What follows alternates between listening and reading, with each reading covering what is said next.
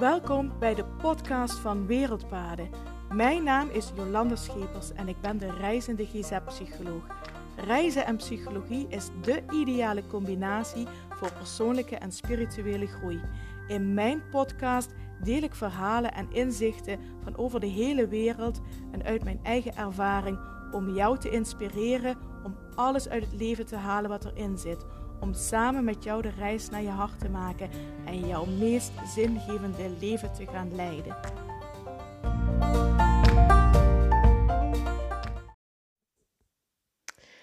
Hallo, hallo en super fijn dat je wel luistert naar de podcast van Wereldpaden.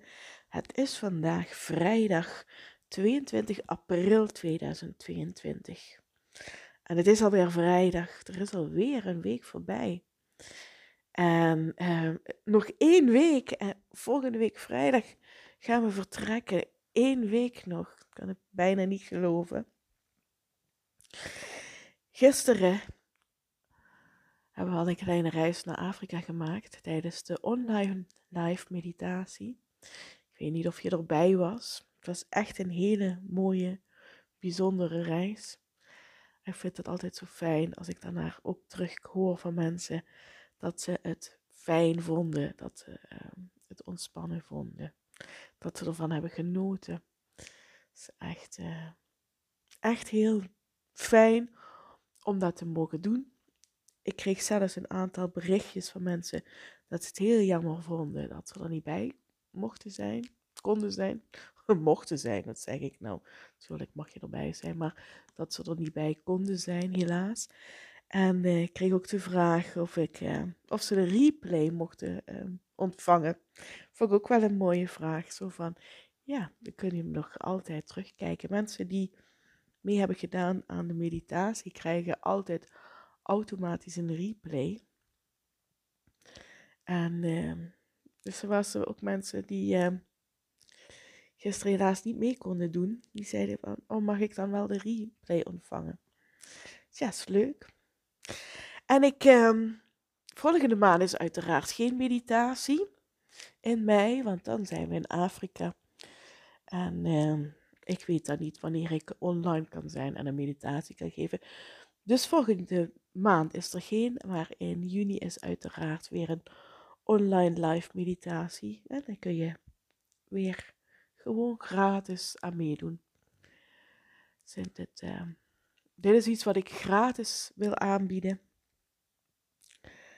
Omdat ik het belangrijk vind om, ja, ik vind het mooi om dit te kunnen delen. Uh, mensen te, ja, mensen te, te helpen bij het vinden van rust en ontspanning. Mensen laten uh, kennis maken uh, met meditatie. Mensen ja, ook de ruimte geven om te kunnen mediteren. Dus ik blijf dat gewoon gratis aanbieden. Dus volgende maand is er geen, maar in juni is er weer een meditatie. En het thema voor de podcast van vandaag is het motto wat ik vandaag heel vaak tegen mezelf ga zeggen. Tenminste, dat heb ik me voorgenomen. Dat is, ik leun achterover. Ik leun achterover. En dat motto is natuurlijk niet zomaar gekomen. Dat motto is gekomen omdat ik de afgelopen dagen best wel wat onrust heb ervaren. Misschien denk je, hè, onrust, daar heb ik niks van gemerkt. Je hebt een, meditatie gegeven. Je klinkt altijd heel ontspannen tijdens de podcast. Uh, ja, dat weet ik ook wel dat ik dat kan. Zo die rust uitstralen. Maar soms van binnen heb ik soms ook wel onrust. Maar natuurlijk ook gewoon maar een mens. En toen dacht ik, oh, maar volgens mij ben ik veel te hard aan het rennen, veel te hard overal aan het trekken. En ik heb geleerd en de wet van de aantrekking. De wet van de aantrekking. Je zendt iets uit naar het universum en je hebt vertrouwen. dat het op je pad komt. Je hoeft er niet aan te gaan trekken.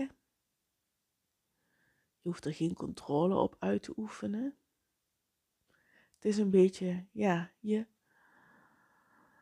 je mag als het ware achteroverleunen. Daarbij bedoel ik natuurlijk niet dat je niks hoeft te doen, maar heb vertrouwen dat het komt. En ik heb dat heel erg ervaren toen ik eh, twee weken thuis zat met corona en ik eh, plat lag en heel veel geslapen heb. Ehm, toen kreeg ik allerlei mailtjes van mensen uh, en dingen die er op mijn pad kwamen, en vragen. En het was echt heel bijzonder. En uh, terwijl ik, ja, ik lag op de bank. Ik had corona. Ik had, uh, mijn energie was nul. Dus ik was, uh, ja, ik, ik leunde in feite achterover. En er kwam van alles op mijn pad. En nu, ik ben ook een beetje perfectionistisch. Ik heb een hoog verantwoordelijkheidsgevoel. Ja, ook ik heb de patronen die bij het hulpverlenerschap horen. Hoge verantwoordelijkheid, hoge normen. Dus ik wil ook alles, voordat wij op reis gaan, alles van de praktijk, alles voor de mensen die bij mij in behandeling zijn, alles wat nog loopt, netjes afgerond hebben voordat ik vertrek, zodat er niet nog allerlei losse eindjes hangen als ik vertrek en dat er nog dat er nog losse eindjes hangen als ik weer terugkom en ik niet meer zo goed weet wat ik met die losse eindjes moet doen. Maar dat zorgt nu voor heel veel onrust. Dat zorgt voor hele lange to-do-lijsten. En dat zorgt dat ik daardoor heel veel druk zet. Zo van, oh ja, die to-do-lijst moet nog af. En dit, ik moet die nog appen, ik moet die nog een berichtje sturen, ik moet die nog mailen, ik moet die nog bellen. En van de andere kant, waar ik dan geen invloed op heb, is de reactie en of die mensen wel of niet uh, reageren. En dan merk ik wel eens, dat word ik heel onrustig van, als ik nog dingen wil afronden en uh, mensen reageren dan niet waardoor dan toch iets dreigt te blijven hangen voordat ik vertrek. Dat is wel een dingetje voor mij.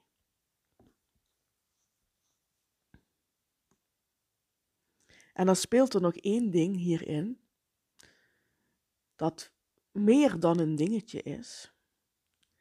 En dat is het nieuwe zorgprestatiemodel van eh, in de GGZ het nieuwe zorgprestatiemodel is het nieuwe financieringsmodel van de zorgverzekering, dus voor de volwassen zorg.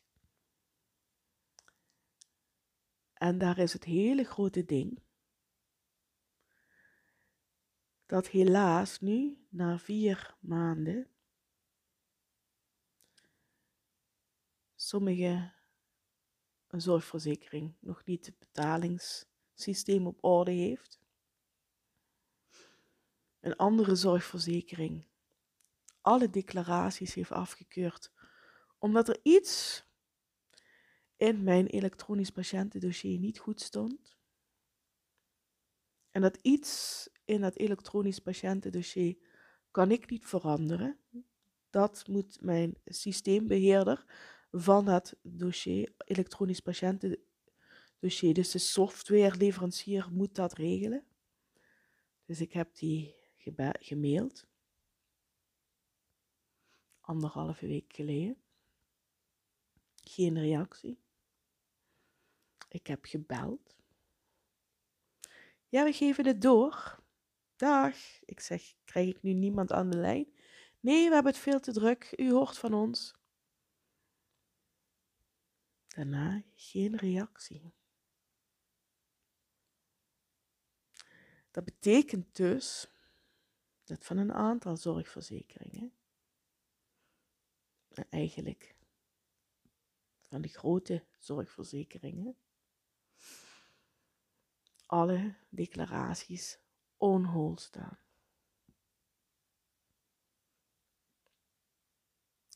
Dat is niet een dingetje. Dat is een ding.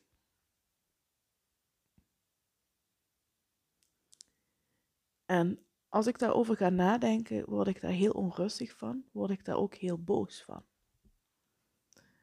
Ehm, over het, ik word daar boos van over het gemak waarin zo'n zorgverzekering zegt: Tja, er zit een foutje in jouw systeem, kunnen wij niks aan doen. Ze keuren alles af het gemak waarin een andere zorgverzekering zegt: Ja, ons betalingssysteem is niet op orde. Je krijgt een voorschot. That's it. Als het zover is, zie je de rest wel komen. Het gemak waarin dit kan. Vervolgens, softwareleverancier, die nu al meer dan anderhalve week niet reageert op mijn mail.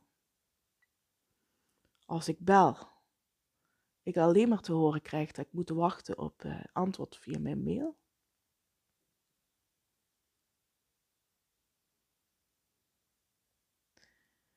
En dat ik dan ook denk, laatst, laatst, um, laatst zag ik een berichtje op Facebook voorbij komen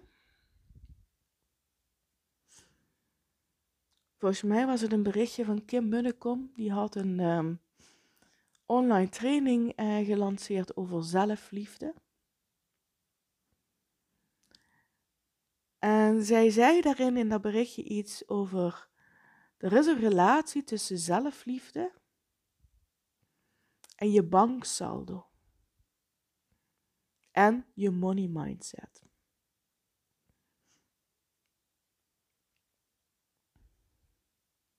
En toen dacht ik, als ik zie het gemak van zorgverzekeringen om te zeggen,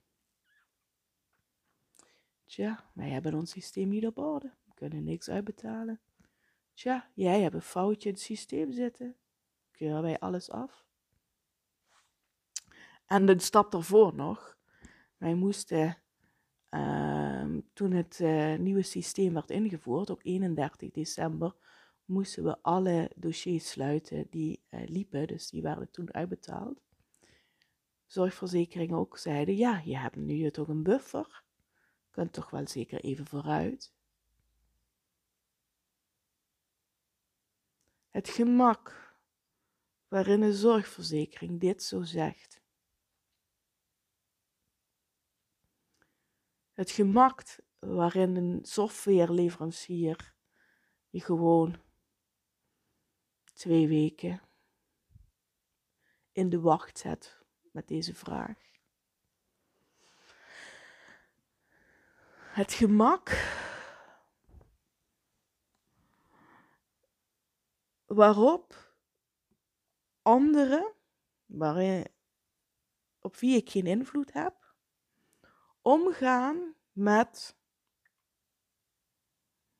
declaraties van mij en mijn collega's zorgaanbieders. Toen ging ik wel nadenken, wat zegt dat eigenlijk over de zelfliefde van een psycholoog, de zelfliefde van de mensen die in de GGZ werken, dat wij dit laten gebeuren. Dat er niemand zegt,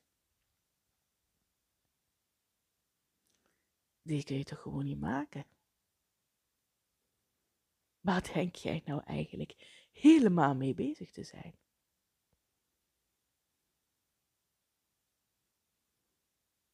En ik zeg het ook niet, maar ik zou niet weten tegen wie ik het moet zeggen. Ik zeg het nu in de podcast. Maar zeg ik het tegen de mevrouw die ik aan de lijn heb van de zorgverzekering? Heeft het zin? Denk dan altijd, zij zit daar ook maar. Zij probeert mij zo goed mogelijk te helpen. En zij is ook enkel maar de messenger, de boodschapper. Bericht doorgeeft.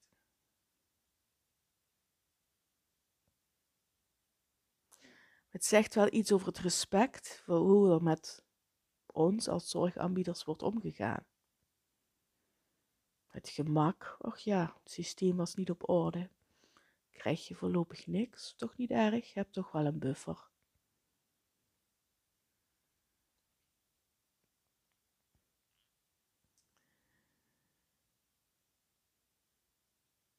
En ik lees op LinkedIn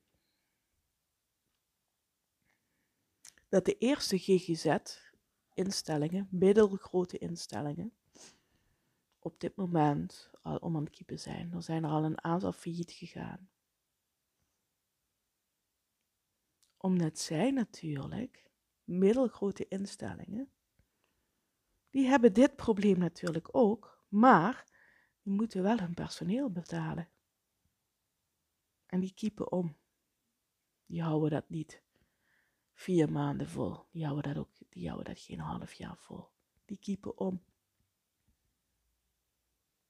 Grote instellingen, ik weet het niet. Misschien als ze hun financiën heel goed op orde hebben, wel. Anders krijgen die het ook heel moeilijk.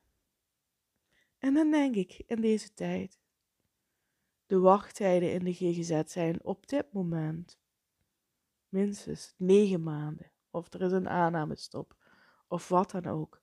Die hele GGZ zit potdicht. En dan zegt de zorgverzekering, tja, kan niet uitbetalen. GGZ-instellingen kiepen om. En niemand, niemand doet iets. De Nederlandse zorgautoriteit grijpt niet in. De overheid grijpt niet in. Niemand die zegt, hallo, maar wacht eens even. We kunnen nou niet gebruiken dat er GGZ-instellingen gaan omkiepen. De wachtlijsten zijn al zo gigantisch lang.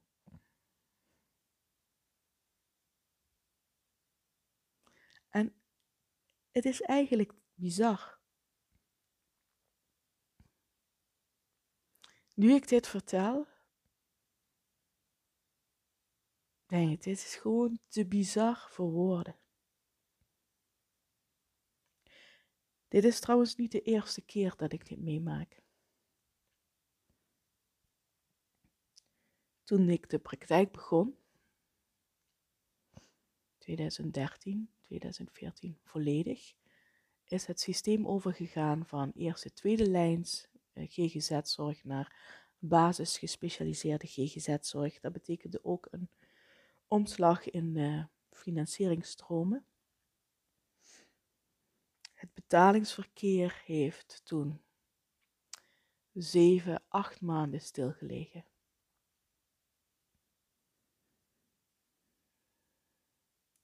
Er werden geen betalingen gedaan, want het betalingssysteem van de meeste zorgverzekeringen was niet op orde. Dat is de eerste keer. De tweede keer kwam met de transitie van de jeugdzorg vanuit de zorgverzekeringswet naar de gemeente. Het betalingsverkeer heeft minstens een half jaar plat gelegen. Minstens. Want het systeem was niet op orde. Nu, derde keer overgang van basis GGZ, gespecialiseerde GGZ, naar het zorgprestatiemodel in de volwassenzorg. We zijn nu eind april. En het loopt niet. Het is de derde keer dat ik dit meemaak. En ik ben bang, zolang ik in de GGZ werk, dat dit niet de laatste keer zal zijn. En als ik erover nadenk, is het echt te bizar voor woorden. En ik moet dan altijd weer terugdenken aan de post die ik toen zag van je banksaldo heeft te maken met de liefde die je voor jezelf hebt. En toen dacht ik, en hoeveel liefde hebben wij psychologen dan voor onszelf? Dat we dit keer op keer op keer laten gebeuren.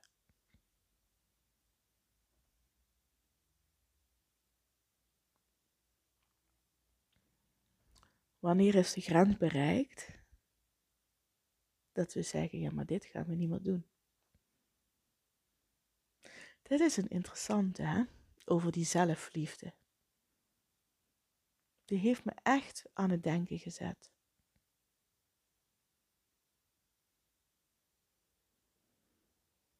Zelfliefde, money mindset en je banksaldo.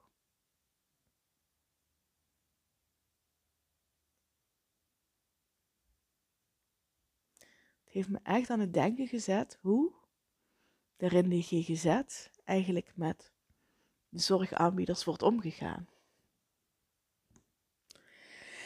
En ik zeg ook niet, ik zeg daarbij niet dat de zorgaanbieders het schuld zijn. Hè? Helemaal niet. Want ik zou ook eigenlijk niet weten wat je moet doen. Je staat ook een beetje machteloos ten opzichte van zulke grote instanties als de zorgverzekeringen en de Nederlandse Zorgautoriteit. In je eentje. Maar het is wel iets om eens over na te denken.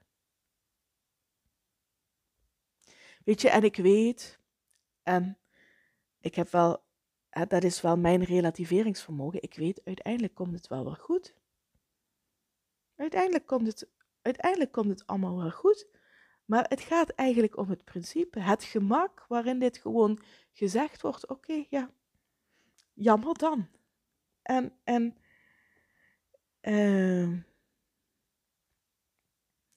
en ik merk nu, nu, hè, ik ben, wat ik net zei, ik ben toch een beetje perfectionist. Beetje, ik ben eigenlijk wel een perfectionist. Probeer dat een beetje, die perfecte kant, perfectionistische kant, een beetje in toom te houden. Ik heb ook een hoge verantwoordelijkheid. En dan hè, mooi alles netjes afgerond hebben voordat we op reis gaan. Geen losse eindjes. Maar het lijkt erop dat ik straks met heel veel losse eindjes vertrek. Omdat het allemaal losse eindjes zijn. Omdat ik het niet in de hand heb dat, dit, um, dat ik dit nog geregeld krijg voor volgende week. Want ik ben afhankelijk van de reactietijd, reactie en van anderen. En ik merk dan, en daar komt dan de onrust, ik wil dan uh, controle krijgen op de situatie. Ik wil het graag afgerond hebben voordat ik vertrek. Voelt dan meer als harmonie, balans. En dan voelt het dan, het is niet af voordat ik vertrek. En dan haal ik dan weet ik, als het dadelijk thuis komt, dan ligt er nog heel veel wat niet af is.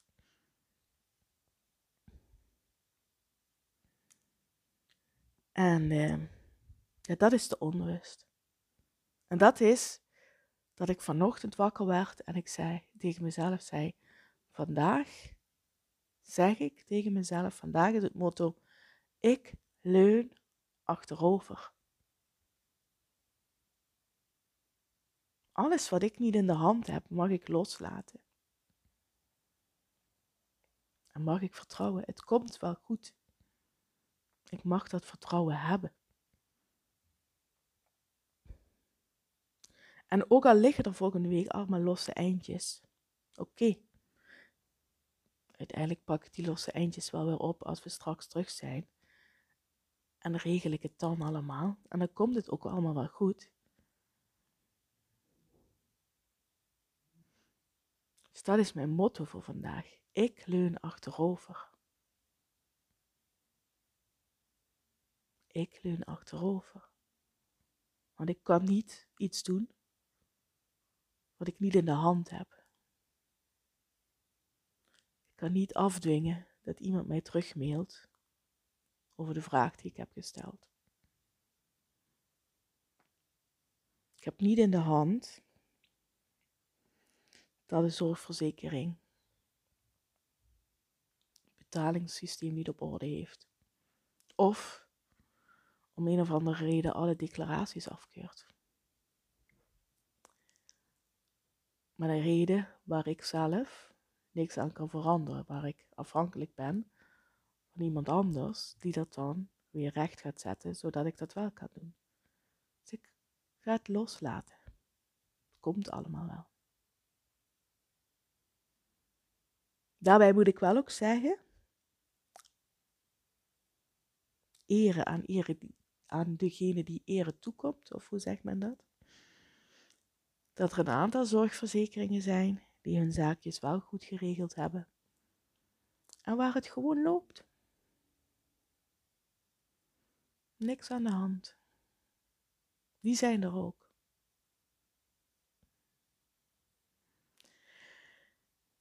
Dus het was een heel verhaal vandaag. Heel verhaal achter de schermen weer in de GGZ. Hoe het werkt. Ik vind ook altijd, ik vind dat we daar um, binnen de GGZ ook veel te veel over zwijgen. Dat dit uh, gebeurt. Dat er uh, op zo'n manier met ons wordt omgegaan. Ik vind dat we dat ook veel meer naar buiten mogen brengen.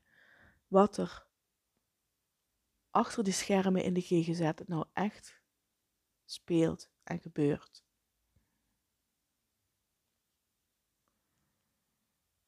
En uh, ja, daarom is het ook dat ik dit deel. Dus ik hou mijn motto vandaag aan. Ik leun achterover.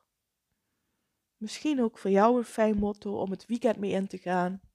Ik denk dat ik het motto ook in het weekend vasthoud. Ik leun achterover.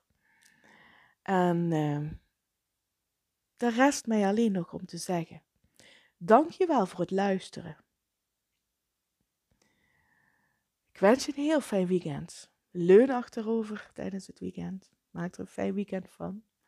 Mocht je vragen of opmerkingen hebben naar aanleiding van deze podcast, of zou je willen, of wil je aangeven wat je van de podcast vindt, laat het me weten. Stuur een DM via Instagram, berichtje via Facebook of LinkedIn, of een mailtje naar info.wereldpaden.nl. Dankjewel voor het luisteren ik spreek je maandag weer. Groetjes, doei doei!